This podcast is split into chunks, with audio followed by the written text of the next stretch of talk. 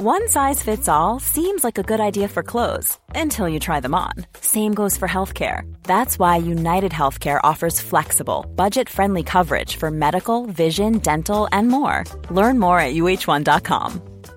Imagine the softest sheets you've ever felt. Now imagine them getting even softer over time. That's what you'll feel with Bowl and Branch's organic cotton sheets. In a recent customer survey, 96% replied that Bowl and Branch sheets get softer with every wash. Start getting your best night's sleep in these sheets that get softer and softer for years to come. Try their sheets with a 30-night guarantee. Plus, get 15% off your first order at bowlandbranch.com. Code BUTTERY. Exclusions apply. See site for details.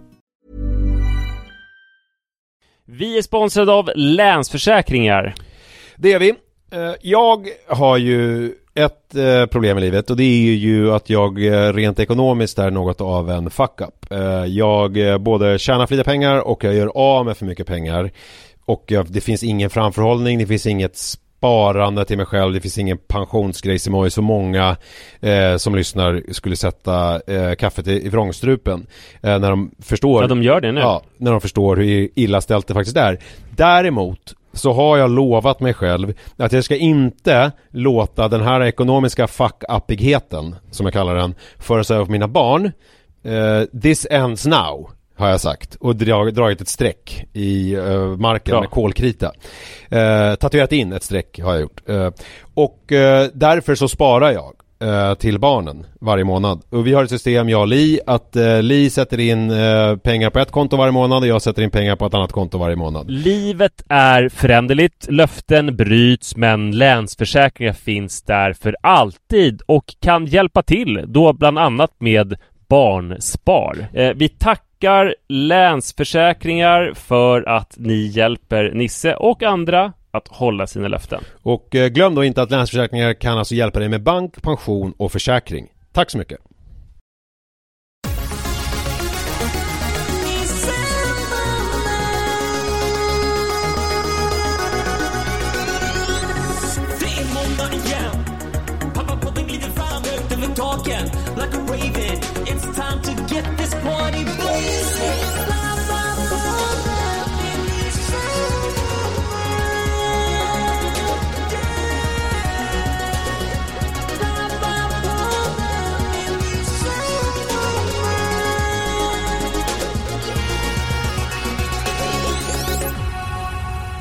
Då är det min tur att hälsa välkommen, för det är jag som klipper Ja, den här veckan. Det är en smidig lösning som vi har. Vet lyssnarna det, tror att vi klipper varannan vecka? Och tror att de är intresserade av det? Jag tror de är helt ointresserade. Det finns kanske någon som har egna podcastambitioner eller som poddar själv som funderar på det. Men annars tror jag det är väldigt ointressant. Ja, men eh, då säger jag bara välkommen då. Till Ja, avsnitt bäst. nummer 565. Eh, och idag, Manne, så tänkte jag att vi skulle eh, prata om eh, en krönika som jag läste av Andrev Walden i DN. Men innan jag gör det så undrar jag- Jävlar vad han är i ropet nu. Nu såg jag han starta podd med Paris Amiri. Mm. Han har vunnit Augustpriset och han har faktiskt skrivit en helt, alltså den är, den är ju ruskigt bra. Jävla karar. Ja, du har läst den. Jag har inte hunnit göra det. Ja. Jag måste ju göra Nej. det. eh, för att det känns ju som att det ligger i linje med om en man i min egen ålder skriver en bok som heter Jävla karar så känns det som att då borde man ju läsa den. Eh, faktiskt. Jag känner igen mig mycket i den, dock så, alltså, för jag har ju också haft typ en ganska så här negativ bild av män. Att jag varit präglad av min uppväxt, att jag tyckte män var liksom obehagliga typer när jag var barn. Och sen så har det följt med mig. Och det är väl någon, en resa som lyssnarna har hängt med på lite grann. Hur jag började hänga i klassiskt manligt kodade miljöer i eh, 30-årsåldern och liksom eh, återerövrade, eller erövrade männen och upptäckte att de kan vara på alla möjliga olika sätt. Men Andrev har ju då vuxit upp, alltså en mamma som har bytt man väldigt ofta. Just det. Och han har behövt förhålla sig till de här ofta väldigt, väldigt obehagliga typerna. Eh, och även typ kalla dem för pappa. Okej, Och alltså, han har kunnat vara med om att liksom han går och lägger sig hos sin mamma i sängen för att Ja. gosa med henne.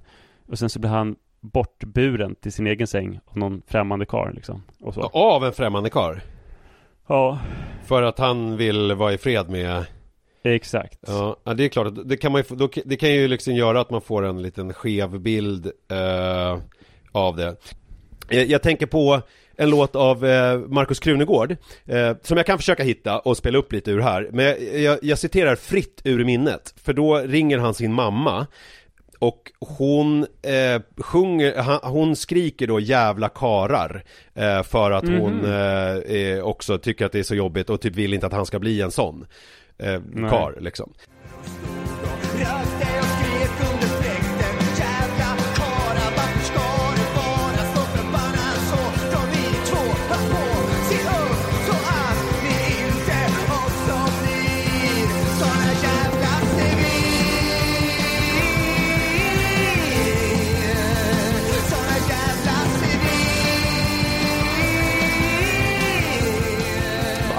här ska vi prata om. Men jag tänker just som mamma eh, det är ju en sån här grej som man brukar säga. Man lägger mycket krav på mammor när det gäller föräldraskap och sånt. Det finns ju mycket så här skamgrejsimojs och sånt. Men det finns ju en grej som jag tycker är ganska sann Och som jag tänker på också även om jag är pappa. Det är ju att man uppfostrar ju När man uppfostrar sina söner så uppfostrar man ju Om man nu pratar på gruppnivå eh, Och liksom generellt och statistiskt eh, Någon annans make motsvarande. Eh, och om man då eh, liksom beter sig på ett visst sätt. Det här slog mig häromdagen när jag pratade med en kompis. För att hon hade en eh, tjejkompis som tyckte det var så tråkigt för att hennes snubbe Eh, klädde, eh, han är skitsnygg på jobbet och så här, men när han kommer hem satte han på sig så här noppiga eh, mjukisbyxor och liksom en sunkig t-shirt och liksom bara sunkade ihop. Och då, tycker, och då när hon påtalar det här och tycker kan vi inte liksom försöka piffa lite för varandra? Då, då är hans reaktion är så här, men vadå, tycker du inte om mig som jag är? Och då slog det mig att det är en jävla skillnad mellan att vara i, det här är också eh, när jag tänker på mitt eget äktenskap Alltså en jävla skillnad på att vara i ett äktenskap med någon Alltså som ska vara liksom ens älskare och allt det här eh, ju Inte bara eh, en familjemedlem Än att vara i en uppväxtsituation. Jag tänker det på mina barn, hur de beter sig hemma. Eh, så, så är det ju liksom, de beter sig på ett sätt hemma, vilket jag tycker är eh, på ett sätt är okej, även om jag förväntar mig vissa typer av grejer. Men det viktigaste för mig är ju att de uppför sig ute bland folk. Och risken är ju, tänker jag, att om Alltså man att de är in- ögontjänare. Ja men lite, alltså hellre att de Mm. är liksom skötsamma i skolan och, och är artiga och håller upp dörrar och är trevliga med folk som de träffar i liksom eh, skolsituationer eller vänsituationer än att de är artiga och håller upp dörren för mig och liksom då får upp Verkligen. Jag minns ju Eh, när Iris var en omvänd ögontjänare när hon var liten, att hon var skitklurig och rolig och gullig när hon var hemma, men när man var ute liksom på stan eller på typ ett event så var hon helt galen och fick olika utbrott. Ja just det, ja men det, så vill man ju liksom inte riktigt ha det. Men då, eh, och då tänkte jag att han kanske har, och många tror jag att man eh, blandar ihop liksom familjelivet man har när man är vuxen i äktenskapet med det man hade när man var liten och kunde stänga in sig på sitt rum och bete sig lite hur man ville mot sin mamma eller sin pappa. Eh, om man nu fick det, det finns ju inte alla som har haft en sån uppväxt. Eh, det, det slog mig faktiskt igår när jag fick barnen, ett litet stickspår här. Eh, då hade jag kämpat järnet för att jag skulle göra lite fint nu För det är första december idag när vi spelar in det här och de kom då sista november. Och då ville jag liksom att det skulle vara julpyntat eh, Första december, för det är ju liksom min grej ju. Första december då får man börja. Eh, Så att då har jag i veckan liksom förberett och då hade jag hängt upp liksom, eh, du vet, eh, julstjärnor i barnens fönster. Jag hade satt in så här små silvergranar med kulor i deras rum. Satt sådana lite små figuriner, alltså tomtegubbar i porslin och så här, du vet Gjort lite juligt i deras rum eh, Och sen så blev jag sen igår på jobbet, så när jag kom hem då var de hemma båda två. Och då när jag gick in och skulle säga hej till Manne glatt och öppna dörren Då låg han liksom i sängen eh, och har nu så mycket målbrottsröst och mumlar så mycket som man hör ingenting. Och hade slängt julstjärnan på golvet. Varför det? Nej men jag bara, och, och då var jag så här, gud jag får inte bli arg nu. För att det är liksom, jag får inte nu så här, eh, jag får inte göra liksom något konstigt av det här att jag har gjort fint. Jag bara, oj, ligger den på golvet? Han bara, "Eh, ja den störde, jag kunde- vi kollade ut genom fönstret, det störde mig. Det var så jävla roligt. Och sen så hade jag gjort, de älskar kebab, så jag brukar göra, eh, liksom, när jag vill vara lite gullig så brukar jag göra kebab. Jag köper sån färdigfryst kebab och, och såna här eh, libabröd och, och sen så eh, feferoni och du vet lite sallad, alltså och kebabsås, alltså man gör som en kebab hemma liksom. Eh, Och eh, så hade jag gjort det och så sa jag, har jag också vant mig nu vid, för jag vill att de ska komma och äta vid bordet. Men jag har, har kommit fram till nu att det är ingen idé att jag säger, Vänta, nu är, du, du säger det som att, att man inte Som om andras barn är typ hundar som äter ur skålar runt om i eh, Jag tror de flesta vill att, att de ska komma till bordet Ja, ja men jo, inget- jag, jo, jag avslöjade ju, jo, jag avslöjade igår när jag la honom i låg och pratade att hemma hos mamma äter de aldrig vid bordet. Då äter de liksom vid olika, ja, olika skålar. Ja men fan det rum. minns jag nu när du säger att han haft alltid med olika grejer Att han ska sitta och titta på någon skärm Med någon svängarm Och sen att han ska gå iväg och äta sånt där Ja, han är ju lite, jag, jag kallar honom för katt. Att man ställer fram en portion mat, så har han ju varit hela sitt liv. Och så är det lite grann Ja. fortfarande. Men jag vill ju att de ska sitta ner. Jag vill ju ha att man har, att man ses några minuter per dag vid matbordet och pratar lite grann. Jag tycker det är rimligt Ja men det tycker jag också. Alltså jag tycker verkligen det är rimligt. Eh, så att, men då har jag lärt mig att för att det inte ska bli konflikt så säger jag till 5-10 minuter innan maten är färdig så att de kan avsluta, för de har ju alltid på med olika matcher. För de spelar ju, eh, de har ju börjat spela Fortnite igen båda två. Och då är det ju alltid någon jävla turnering eller någon match eller någonting som ska avslutas. Och då känner jag så här, ja vem är jag att bara komma och dra ur sladden för att nu ska vi äta? Det blir ingen trevlig start på liksom middagen. Så då säger jag liksom, nu är 5-10 minuter kvar, så avsluta matchen ni håller på med så kommer ni och sätter er vid bordet sen. Eh, och Jojo sa ja pappa, Mm, och, men mannen var så här, eh, fan, kan, inte, kan inte jag få äta på mitt rum? Och då sa jag så här, eh, men gud vad, liksom, jag har ju ändå så här, det är första kvällen ni kommer hit, jag har ändå gjort kebab, vi kan väl typ så här sitta ner och äta tillsammans. Han bara, vad fan, håller på med en turnering här, jag är liksom, ja men, vad fan kan inte jag få äta på mitt rum? Alltså, eh, eh. Och jag bara, ja det får du väl, så får väl jag och Jojo sitta och äta, men det skulle ju vara kul om det kom. Han bara, ja men fan kanske kommer då. Ja, vad är det för någonting? Jag bara, ja det är kebab, det sa jag förut. Han bara, "Ja, okej. Eh. Och så slutade det med att han kom i alla fall. För att han eh, fick väl lite dåligt samvete och kände väl så här att, ja men det här kanske är, är mysigt ändå. Vilket det var, det blev en jättetrevlig middag. Men eh, jag tänker på så här, så vill man ju inte att han ska vara sen när han är i Nej. ett äktenskap med en kvinna. Som då vi säger så här, att hon kanske, eh, det kanske är hennes tur att laga middag. Jag vet inte liksom vad de har för typ av upplägg i sin relation. Hon kanske lagar maten, han kanske tvättar, inte vet jag. Eh, och sen så säger hon så här, nu är maten färdig och han liksom ligger och mumlar. Ja det lät ju optimistiskt med tanke på liksom fortsättningen av det här resonemanget Eller den här eh, mardrömsbilden som du ska måla upp Ja, ja, att, alltså det, det vidriga är ju om han, om Det han kan ju då... också vara så att han inte gör någonting utan att han bara sitter och, och gamer och, Ja. och nu då så har hon lagat mat Men då har jag tänkt att jag ska adressera det här. Att det liksom finns en grej att nu är du hemma och vi har liksom en far-son relation och den är väldigt speciell på så sätt att jag älskar ju dig villkorslöst. Det har jag ju kommit fram till. Alltså på riktigt har jag kommit fram till att det finns liksom tre personer i den här världen som jag älskar villkorslöst. Alltså som jag liksom, eh, även om jag skulle känna att de inte... Är jag med på listan? Eh, nej. Eh, Helvete. de här tre personerna är alltså det enda som jag skulle så här ha kvar i mitt liv oavsett vad och oavsett om jag kände att de dränerade mig. För man vill ju ha människor som ger en energi. Alltså liksom, man känner ju att man, man har ett utbyte av varandra. Men de enda som jag skulle ha kvar i mitt liv det är ju mina två barn och mig själv. Eh, Alltså Inte Li? Nej, inte på det sättet. Alltså för, för att Nej. ah, liksom, du vet, man kan ju välja bort. Alltså om vi säger så här att Li eh, skulle bli liksom helt galen och bara vara helt sjuk i huvudet och jättejobbig mot mig och allting skulle vara stört. Då skulle jag ju så här kunna fatta ett beslut, det skulle ju sitta långt inne, men det är så här, jag klarar inte av att ha det i mitt liv.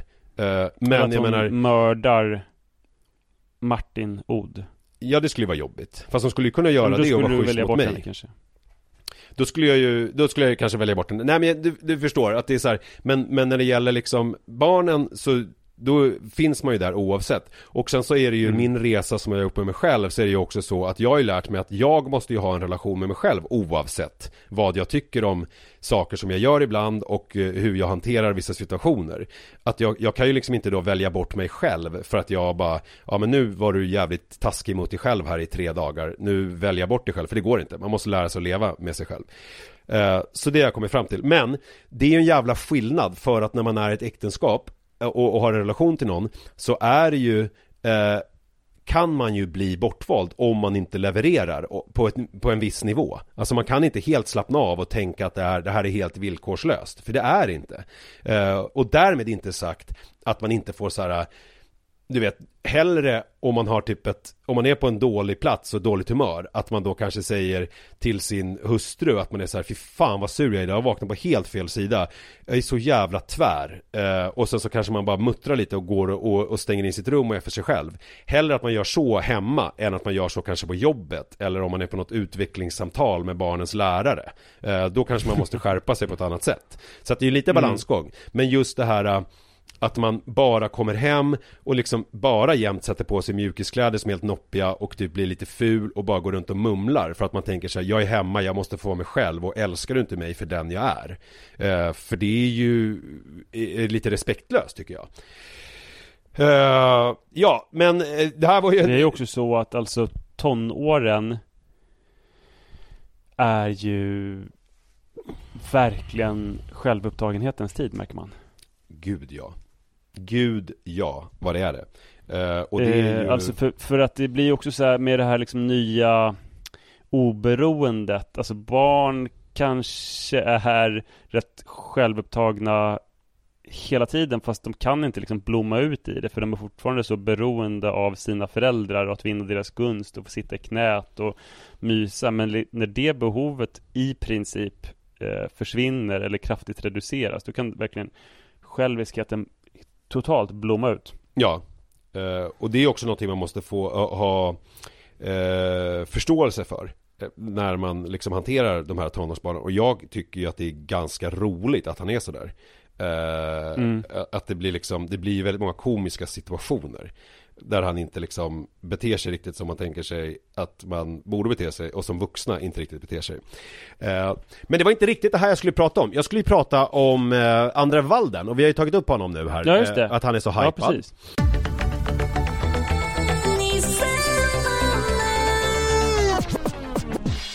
Eh, och då läste jag, han skriver ju krönikor i DN på ja, Han har ju varit med i podd, alltså en av, vi har bara haft två gäster någonsin va? Tre gäster någonsin och han är en av dem. Han, det finns ett pappabåtsavsnitt på honom. ja, Är det bara tre gäster? Hade vi inte några stycken där ett tag? Jo, det hade vi. Jag tror vi har haft, vi David haft Sundin, David Sundin, Andre, ja just Kristoffer Triumf ja, hade då. början och sen så Ja, hade vi fyra, också fyra.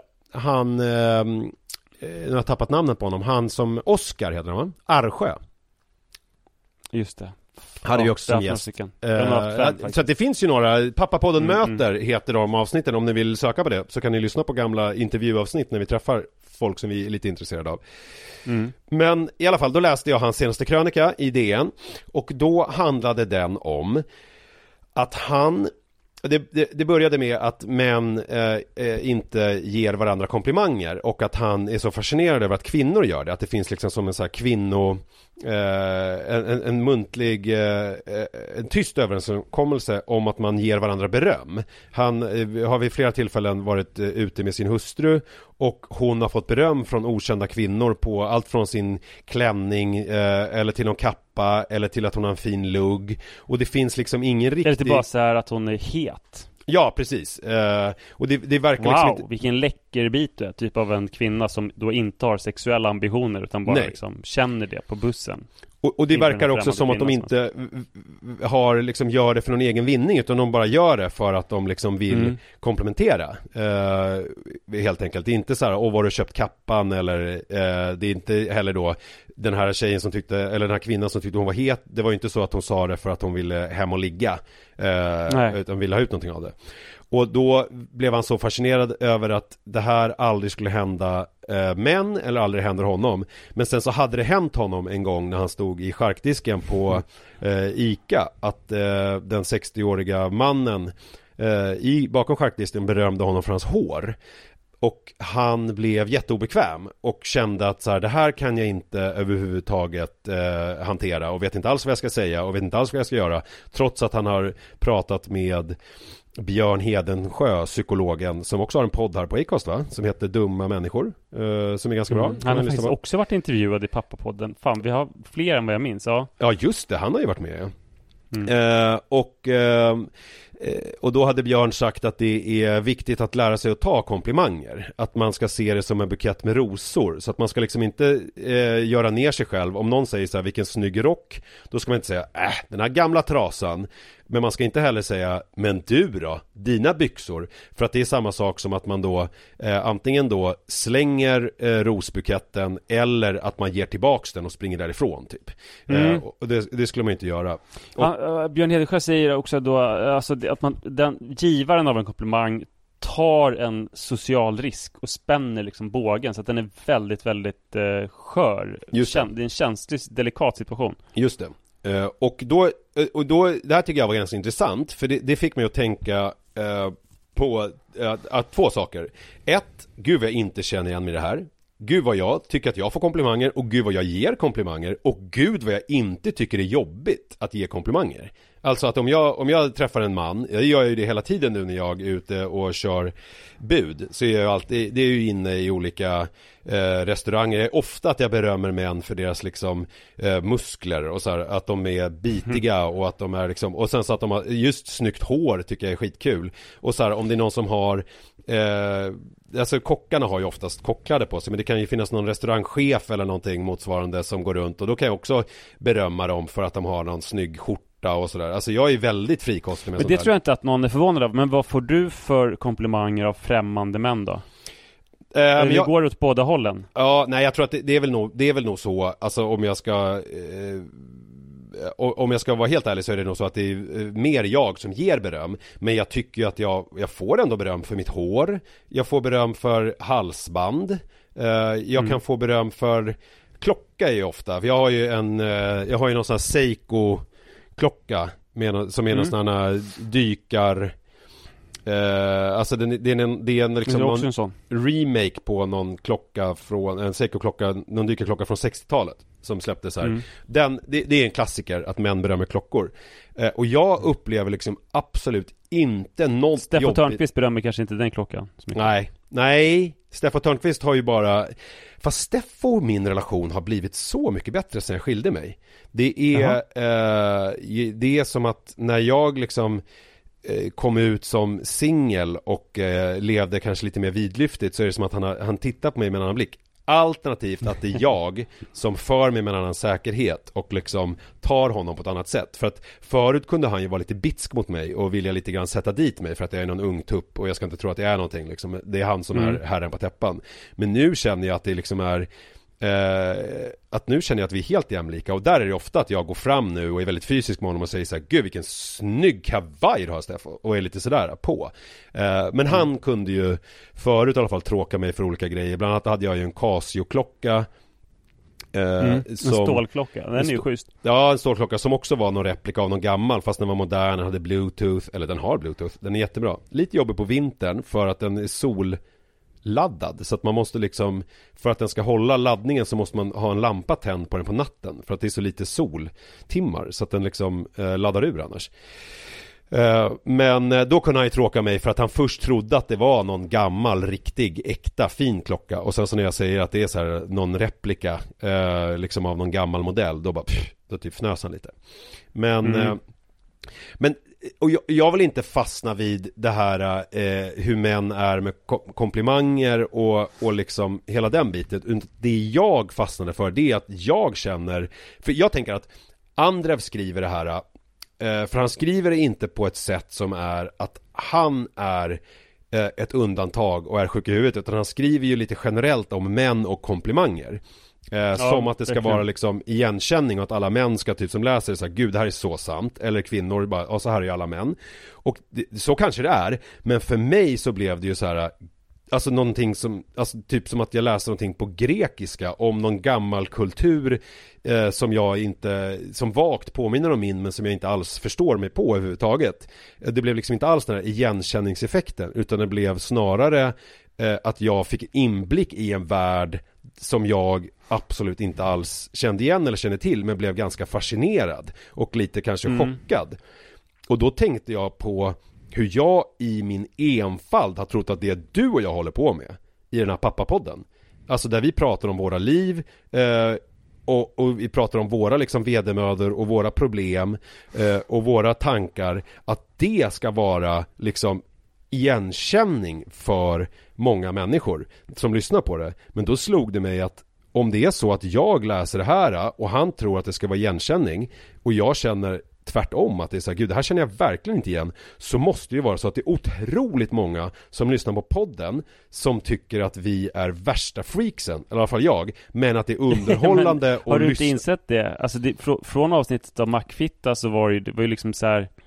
Det, väl, det var väl det som var uspen att Framförallt liksom knasiga Nisse Jaha. Som försöker leva liksom Staka ut sitt liv på ett straight sätt Fast han är knasboll Jaha, ja, jag liksom Det tror jag, att- så har jag känt i alla fall med det. Eh, nej, jag har liksom tänkt att det är Att så här, att det är eh. Att det är liksom igenkänning att folk säger ja så här är det verkligen Han, han sätter verkligen fingret på hur det är. Men sen så fick jag en helt ny bild av vad jag egentligen håller på med. Och jag känner mig Tänk om jag är så här, äh, du vet som eh, förr i tiden när det var såna här freakshows Med liksom När man åkte runt med kortväxta eller kvinnor med skägg Eller någon som hade tre armar Eller äh, eh, no någon eh, man som hade en eh, lång svanskota Så att han var liksom ett levande troll Eller mannen med svans Eller så här. Någon som var hårig över hela kroppen och var den felande länken mellan apa och människa. Alltså liksom sådana här freakshows grejer Tänk om jag är en sån. Eh, i mångas ögon Att jag liksom skulle Är du ställas ut chockad? då Om det skulle vara så? Eh, ja, ja, lite blir ju det. Det blir lite av en chock.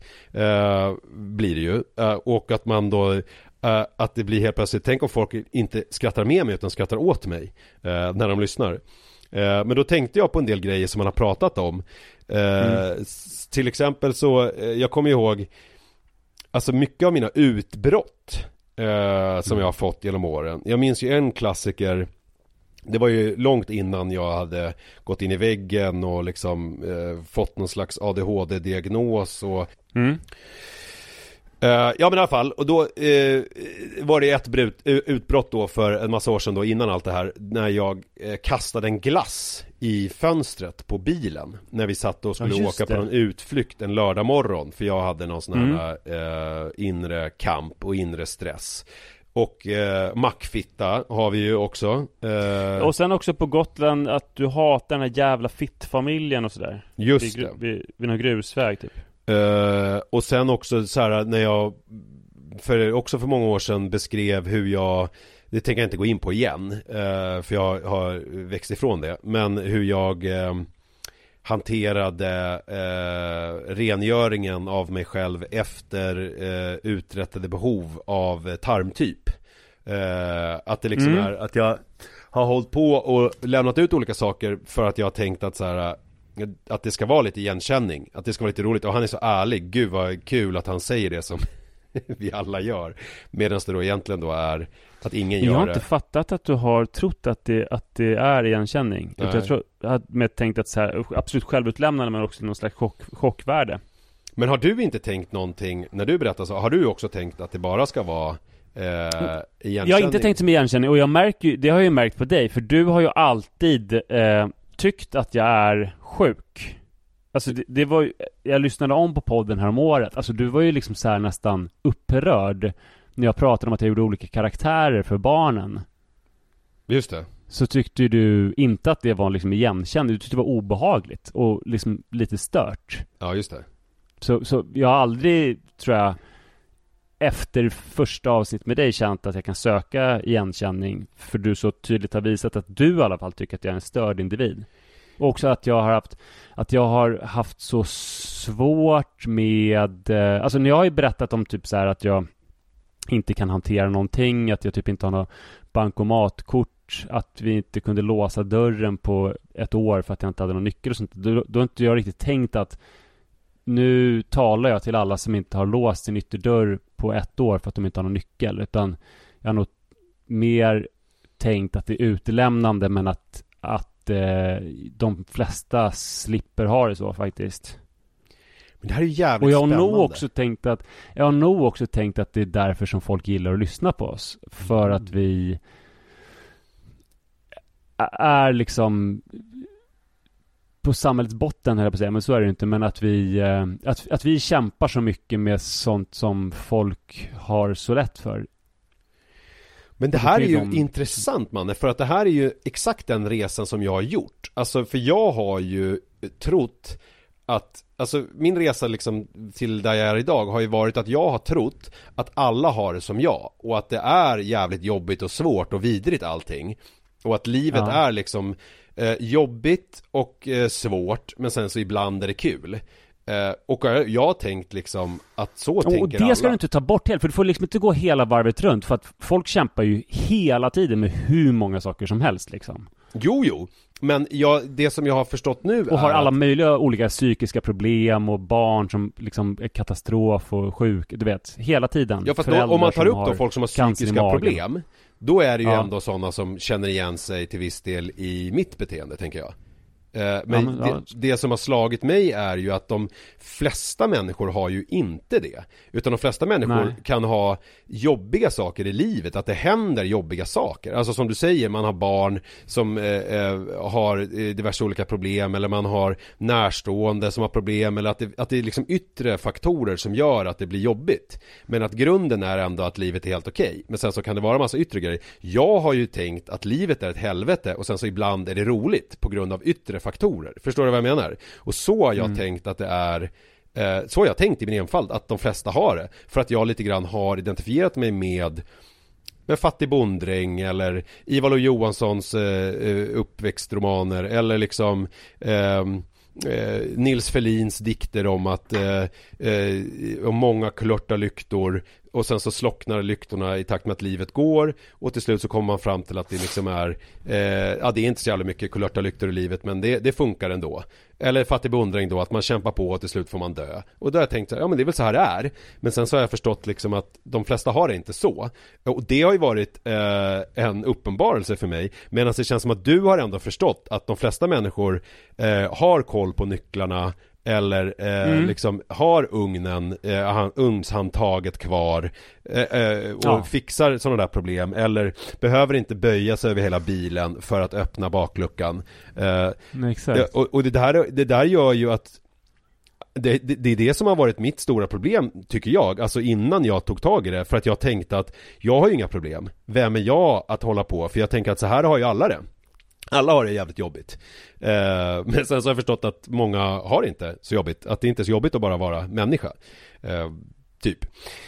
Men... Eh, Nej, det är så jävla svårt det där, för å ena sidan så har du ju rätt i att de flesta klarar vardagen med en mycket större lätthet kanske än vad du har gjort då, eller vad jag också har gjort. Men samtidigt så, om man så här tittar på, jag skickade en DN-artikel till dig om förskrivningen av ADHD. Om man tänker, om vi då kopplar dina problem till ADHD, Mm. så är det så att det är, verkar vara otroligt många som har ADHD. Ja fast det är ändå om man tittar Om på procentsatsen på hur många som får, får diagnosen så är det fortfarande så att det är en eh, majoritet av, av mänskligheten som inte har det. Nej, verkligen. Men, och sen, men om man tar in då andra saker som depression och sådär, eh, så blir det ju en rätt stor del av befolkningen som inte rör sig med någon vidare lätthet genom tillvaron. Men jag tänker att det finns ju, eh, när det gäller just depressioner så finns det ju sådana som är liksom inifrån kommande, att det liksom är något rejält kemiskt problem eh, liksom i hjärnan. Eh, men sen så finns det ju också depressioner, om man pratar om utmattningsdepressioner och annat, som kommer på grund av yttre påverkan. Att man är liksom en person som är stabil och lugn och, och trygg, men sen så är livet så jävla taskigt mot en så att det blir ett helvete i alla fall. Eh, och båda två ger ju liksom samma resultat eh, på något vis. Och det, det går ju inte att blanda in eh, ADHD i det så att säga. Eh, för att man är med om massa jobbiga saker. Sen, för där kan jag ju tänka att det menar att det, att det är eh, eh många som eh, idag också får depressioner eh, både yttre, av yttre påverkan men också av inre för att också pratas om det på ett helt annat sätt. Jag tänker ju på min familj och jag tänker på Nils Ferlin, jag tänker på eh, olika sådana personer som man läst om i historien. Hade de levt idag så hade de ju antagligen sluppit de värsta problemen. Alltså för att när jag tänker på Nils Ferlins just dikt Kulörta lyktor så är det ju så här, fy fan vad vidrigt att liksom känna att lyktorna slocknar och att det liksom är grått och tråkigt men att det går ändå. när, och så, då tänker jag ju på min farfar jättemycket som ju liksom satt de sista 25 åren i sitt liv och självmedicinerade hemma och drack liksom starkvin och kollade på TV hela dagarna och gjorde ingenting för att han liksom var ju deprimerad och det är ju den var ju inte av yttre påverkan utan det kom ju inifrån honom. Men att då så fanns det ju inga, inga begrepp för det här, det fanns liksom inga Inga mediciner han kunde få eh, som han kunde ta hjälp av utan han bara förlikades med det här faktumet och eh, gjorde det bästa han kunde av situationen vilket då gjorde att han levde liksom ganska isolerad och med bara sådana här gamla 40-tals 50-talsfilmer från hans ungdom som eh, eh sällskap i 25 år. Eh, och det är ju skittråkigt, så vill man ju inte att det ska vara och då tänker jag att eh, att det är ju så himla bra då att det idag finns ett språk för det här och det finns en begrepp och det finns liksom diagnoser som gör att man faktiskt kan leva och, och, och känna att man får ut det man vill av livet och att de kulörta lyktorna faktiskt inte slocknar en efter en utan de är tända. Sen kan ibland en lampa gå sönder men att man då kan laga den eh, på liksom livets väg. Eh, det tycker jag är otroligt härligt. Ja. Vindlande Vad resonemang. slutsats då? Är, är det då igenkänning eller inte igenkänning det du håller på med? Nej, jag tror att det är ju då eh, inte igenkänning för det stora flertalet utan det är ju då en freakshow för det stora flertalet men sen så finns det en och annan kortväxt hår, eh, hårig med svans som eh, lyssnar på våran podd och som känner igen sig i det här freaket och kanske förhoppningsvis blir lite behjälpt av det och tänker att när jag säger att livet kanske kan bestå av fler eh, eh, kulörta lyktor än slocknade trots allt så tar de till sig det och eh, söker hjälp och få, för sina problem så att säga. Eh, så jag tror att det, är- det är väl det jag kommer fram till, att det är liksom en blandning då av freakshow och eh, igenkänning. When you're ready to pop the question, the last thing you want to do is second guess the ring.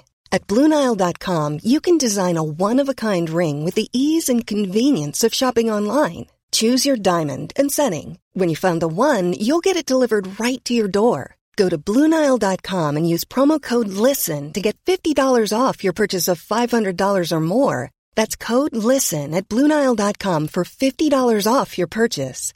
Bluenile.com code LISTEN. I'm Sandra, and I'm just the professional your small business was looking for. But you didn't hire me because you didn't use LinkedIn jobs. LinkedIn has professionals you can't find anywhere else, including those who aren't actively looking for a new job but might be open to the perfect role, like me. In a given month, over 70% of LinkedIn users don't visit other leading job sites. So if you're not looking on LinkedIn, you'll miss out on great candidates like Sandra. Start hiring professionals like a professional. Post your free job on linkedin.com/people today.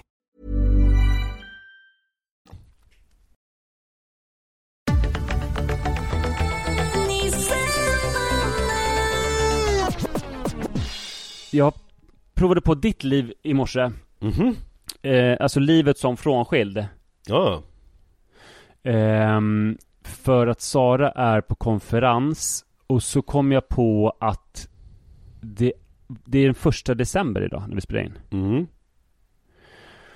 Och eh, jag kom på, alltså min, min ryggmärgsreflex, alltså på morgnarna, det är ju att sova med Adrian så länge som möjligt. Och då brukar barnen typ ha dragit, de stora barnen. Mm. Eh, och sen lämna honom i lugn och ro. Just det. Eh, nu fick jag liksom eh, eh, tänka ut, alltså jag fick vet, ställa en jättetidig klocka och gå upp och tända eh, ljus och eh, eh, alltså fixa det här känslomässiga arbetet för att jag insåg att det kommer inte ske av sig själv. Eller att det, det kommer bli väldigt tråkigt om vi inte har det här titta på julkalendern-grejen. Just det. Och det hade jag nästan glömt det. Alltså det, det är som en, ett eh, återkommande tema. För jag gillar ju att sova lite längre på morgnarna. Mm. Alltså till typ 7.30. Mm. Men jag hade glömt att hela december ruckas ju den rutinen för att vi måste titta, vad var det i morse? Typ 6.40, nej inte så tidigt. 7, jo precis. Nej vänta. Jag är inte 7.00 den här. Alltså det finns ju på play, så det väljer man ju själv. Jo men varför vill ni då kolla på den just eh, eh, då, alltså den, senaste tiden som är möjlig, men Okej. barnen ändå ska in till skolan. Mm. Jo just det, Rut går hemifrån 7.30. Och så måste vi hinna titta innan det. Just det. Så jag tror jag började titta så här 10 över 7 eller någonting. Eh, och det är ju en enorm utmaning för mig. Och sen Mm. så måste jag ju gå upp då innan och så här kanske ta fram lite pepparkakor och eh, ljus och sånt. Just det. Men helvete vad värt det. Har du sett den? Nej men jag, ja, lite kort kan jag berätta om min morgon då. Eh, jag var också i skilsmässomorgon med barnen och eh, Ja, du, det är ju mer eh, standard för dig. Ja, och det var ju första dagen då eh, Eftersom det är fredag vi spelade in första morgonen. Och den startade 8.06 av att Jojo väckte mig och frågade vad klockan var om inte han skulle gå till skolan. Eh, För att jag hade för första gången ja, jag, jag kan inte minnas när jag gjort det Glömt att ställa alarm igår så att vi fick en, eh, det blev ingen mysig eh, ljusmorgon med liksom eh, julkalender som jag hade planerat Utan det blev Ja, ni bara- brukar också ha en sån grej, eller att ni tittar på det på morgonen tillsammans. Gud ja, gud ja. Nu vet jag inte riktigt hur den där killen med, som kastar julstjärnor omkring sig kommer ställa sig till det här Men jag kommer absolut göra det med Jojo i alla fall. Han får gärna vara med om han vill. Han är, han är inbjuden. Mm. Han har en stående inbjudan. Jag minns nu att eh, min lilla kille som också kastar saker omkring sig Mm. Förra året hade han ju precis lärt sig att gå längs möbler och att dra ner och rycka ner allting Ja, ja, ja eh, Nu var det lite lättare men däremot så du vet alla de här ljusen och fotogenlamporna och sånt där Kände jag ändå att jag inte kunde ha på vårt låga soffbord utan behöver ställa runt omkring Ja, jag fattar. Ja, men det är väl smart. Nej men jag ger mig själv med, alltså sen var det så här. Jag fick leta fram någon julkalender och sådär, men jag behövde ju ändå konsultera Sara, det är hon som har tänkt ut att barnen ska ha, du vet, adventskalendrar och sådär. Så Mm. att det var väl Jag känner mig fortfarande ganska mycket som en Åsa Linderborgs pappa typ. Ja, ja. Eh, som liksom spelar en roll för att det ska funka. Så Mm. att det blev mysigt, barnen köpte och allting så här. Men, men jag- spelade en lite grann en roll som låg en liten bit ifrån mig ändå. Men, men trivdes du, med- i, trivdes du i den rollen då? Eh, ja, men jag blev liksom så nervös av den och det kändes som att det smittade av sig på Adrian också, för han sov tillsammans med mig. Han brukar vi brukar sova till 7.30, han vaknade liksom sex av sig själv, som han aldrig gör. Så jag utstrålade någon nervositet. Det här var liksom min stora, min, min stora show. Mm. Eh, imorgon kommer Sara hem igen, så att då kan hon eh, Tända stå för ljusen. lite av det där. Ja, precis. Sånt som kvinnor är så jävla bra på. Tända alltså, ljus. Sjukt bra på att tända ljus. De har liksom Mycket bra otrolig teknik. Ja. Ja, eller hur? Men, men sen så, en annan sak som jag måste rapportera då, innan vi... Eh, Men vad tyckte barnen då? är- Du sa att de, de var nöjda? Nej, alltså det var med beröm godkänt. Och jag Ja, ska det säga det, eh, pepparkakorna hade faktiskt Rut bakat igår. Oj, oj, oj, oj, oj. ehm, som vi åt. Så att, så att barnen var ju liksom involverade. Ah, i och för sig, du, jag hade också glömt att köpa mjölk. Så vi kunde inte göra varm choklad. Jag kanske ljög i inledningen och sa varm choklad. Men det, det var bara på tankeplanet. Det fick bli te istället till dem och kaffe till mig. Ja, ja. Eh, nej, men eh, sju, sju av tio. Men, men eh, alltså 7 av 10 om man då eh, inräknar, om 10 då är Sara, fick du 7 av 10 eller var det 7 av 10 m- eh, på manneskalan så att säga? Nej, på den... På Sara-skalan då blir det. Mm.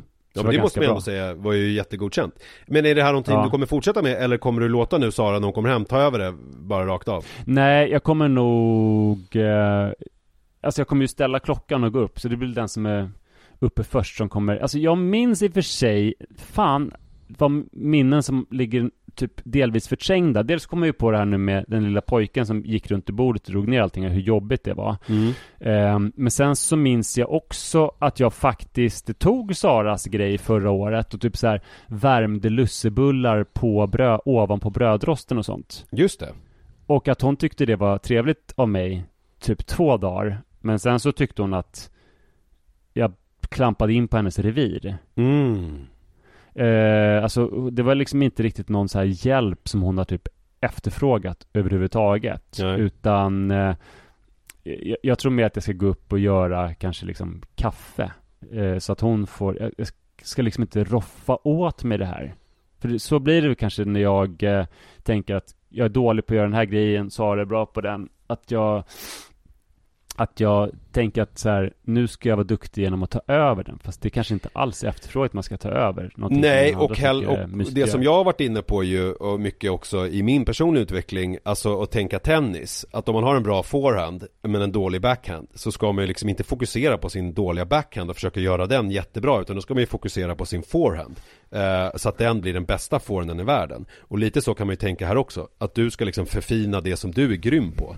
Eh, och verkligen... Ja, men det beror eh, lite på, för om man tänker att det jag är det beror på hur långt man drar det resonemanget, för då skulle jag kunna tänka sig, nej men Sara har så otroligt bra forehand som är att vara uppe och titta på julkalendern med barnen, så att jag kan fortsätta sova och missa hela grejen. Alltså det, det skulle ju vara förödande. Ja fast det är ju inte samma grej, alltså det, jag menar, du Nej. kan ju stå Du kan ju stå och, och slå backhand mot hennes forehand, ni kan ju köra raka slag Förstår vad jag menar?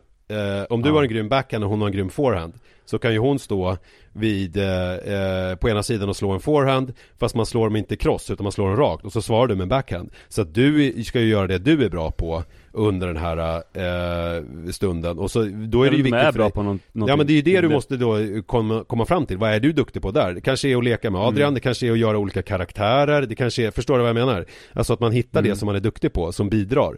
Eh, så att man kompletterar varandra. Det är väl jätteviktigt. Och det, där tycker jag ju som varande relationsexpert i TV4s Nyhetsmorgon så tycker jag väl att det där är en Nej, grej som man kan ta Poddar upp. och skribent är du där ju.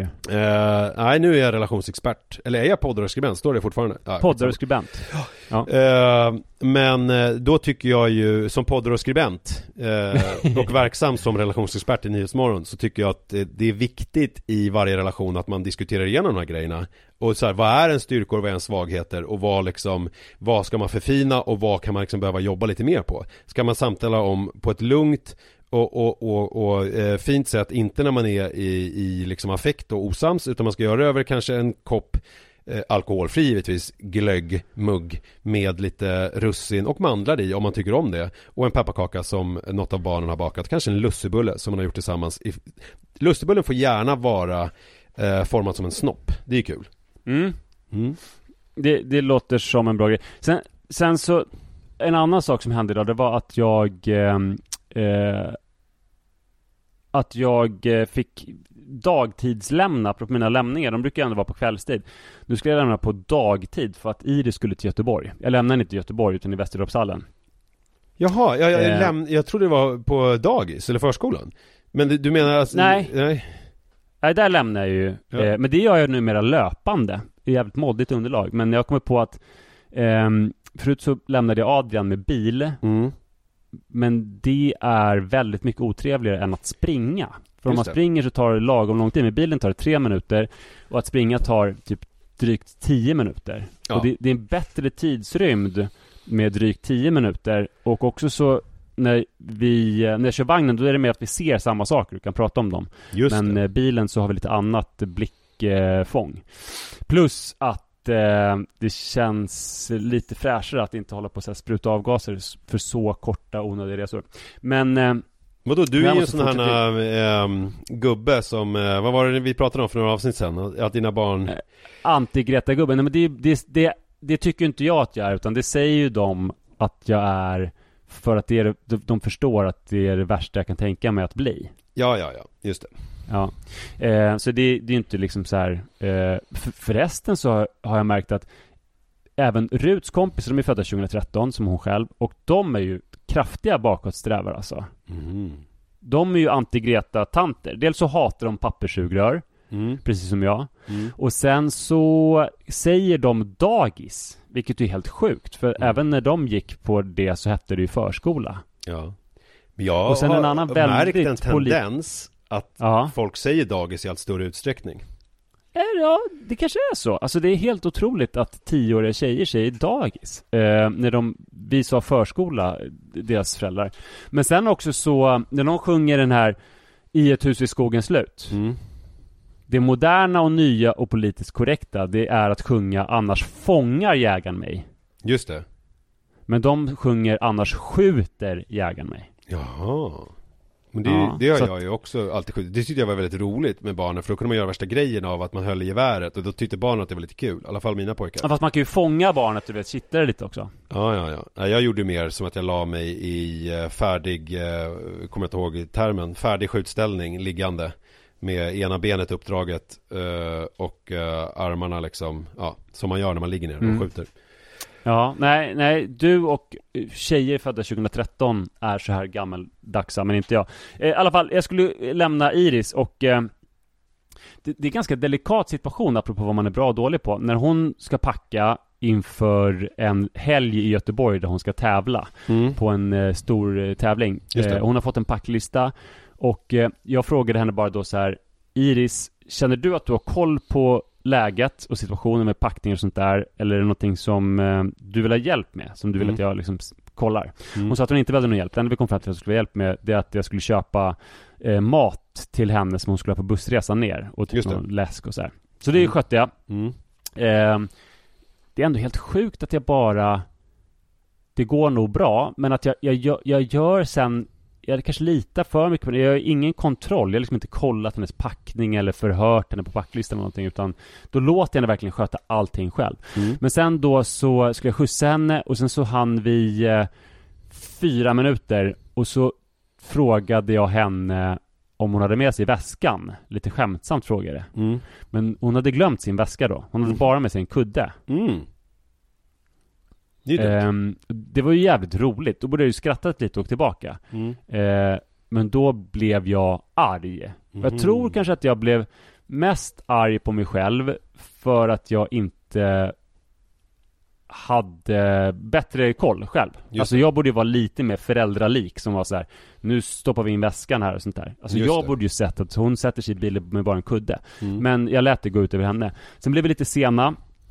Ehm, och sen skulle vi hämta upp en kompis. Mm. Och den kompisen behövde vi vänta ganska länge på på gatan.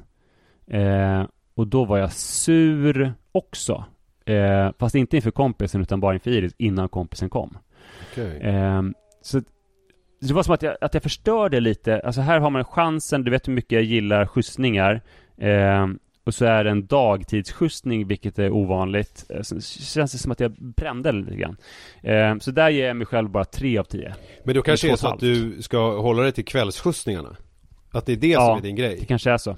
Dagskjutsningar är liksom Mm. inte samma grej. Då ska du springa till eh, dagis snedstreck förskolan då. Eh, om du ska lämna dagtid. Och sen så på kväll, kvällarna så ska du hålla dig till bilen.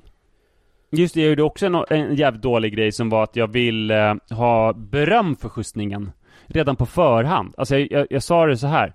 Iris, vet du, jag kommer kunna skjutsa dig på fredag, fast det är mitt på dagen. Jag kommer jobba hemma då. Ehm, och så väntade jag med stående ovationer. Men hon sa bara artigt att, eh, ja, schysst. Ehm, och sen så sa jag också idag, du det är väl inte många som kör sina barn till Västertorpshallen? Ehm, men det visade sig att det var alla. Så inte heller där, eller där kan man ju också noll. Plus att det blev lite pinsamt att jag liksom sökte beröm där. Eh, Alltså jag, jag tycker ju att eller det som jag är nyfiken på nu är om folk känner igen sig i det här eller om de tycker att det är en freakshow. Det du beskriver. Nej, de tycker det är freakshow, eh, är jag ganska säker på igen. Ja. Det är din självbild, att du är ett freak. Ja men alltså, ett freak som tycker om sig själv och som eh, är omtyckt av många andra också. Så det är Ja. helt okej. Ja, det är, det är väl det bästa. B- bästa Ja. grejen. Självinsikt men ändå själv... Eh, alltså det är jobbigt om man har självinsikt och eh, tro, tänker att eh, på grund av hur jag är så hatar alla mig. Det är väl en dålig självinsikt. Men en bra självinsikt är väl, Mm. jag är lite speciell men folk gillar mig ändå. Det är väl bra.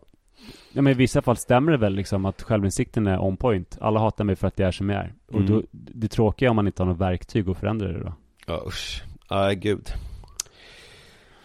Jag tror att vi säger så för den här veckan. Eh, ni får gärna kommentera, alltså kanske lättast att skriva ett DM till oss på Instagram eller på eh, Pappapoddens Instagram. Om ni, och, känner ni igen er i våra berättelser eller är det mer liksom roligt chockvärde att vi är så eh, knäppa som vi faktiskt är? Just det, Skriv det man, till ju- oss. Vi kan göra en liten omröstning om det kanske i göra också. avsnittspuffen. Men det är ändå roligare om ni skriver för då får man ju höra motiveringen. Just det, det är sant. Eh, bra, ja, jättebra. Skriv in eh, och eh, berätta hur ni känner. Ha en jättefin vecka. Hej då! Jag skulle springa efter men trampa snett Ibland gör man fel, ibland gör man rätt Hon skrek stanna bilen, kom igen, bestämde sig Stängde dörren och tänkte sen Och när jag tänker efter så här långt efter så kan Se hur fel det blev. Ibland gör man rätt, ibland gör man fel. Lev med det. Ibland gör man rätt, ibland gör man fel. Lev med det. Det är inte hur man har det, det är hur man tar det. När man längtar tar saker tid Det är nåt mellan oss, mellan oss och världen som för snabbt, men aldrig i takt. Vi vill ju bara andas, sova och andas om vartannat, inget mer. Ibland gör man rätt, ibland gör man fel. Lev med det. Ibland gör man rätt, ibland gör man fel. Lev med det. Du tittar i en atlas, bläddrar och gråter. Vad är det med dig, säg det? Alla kartor och städer, vatten och platser som vi aldrig ska få se det. Halt och farligt men vi måste få luft på promenad i vår gamla hemstad på juldagen alla svarar att allt är bra. Vet du vad? Jag skulle till Prag men hamna i Polen och träffa Ted och nu ska vi ha barn och jag skattar mig lycklig som körde fel när jag vet hur rätt det blev.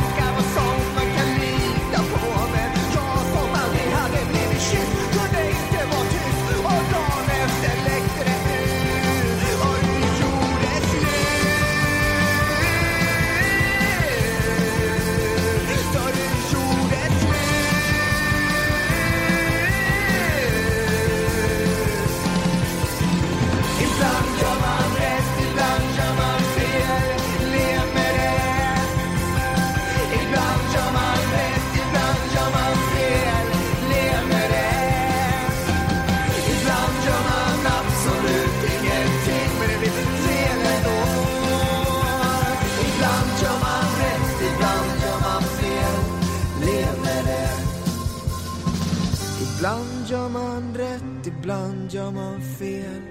Lev med det.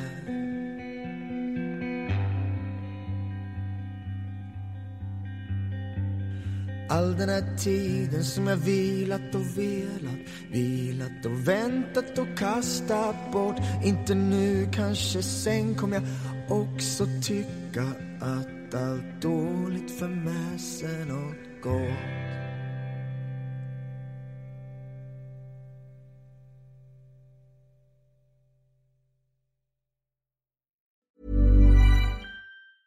Hi, I'm Daniel, founder of Pretty Litter. Did you know cats tend to hide symptoms of sickness and pain? I learned this the hard way after losing my cat, Gingy. So I created Pretty Litter, a health monitoring litter that helps detect early signs of illness by changing colors, saving you money and potentially your cat's life. Pretty Litter is veterinarian developed, and it's the easiest way to keep tabs on your fur baby's health right at home. Go to prettylitter.com and use code ACAST for 20% off your first order and a free cat toy. Terms and conditions apply. See site for details.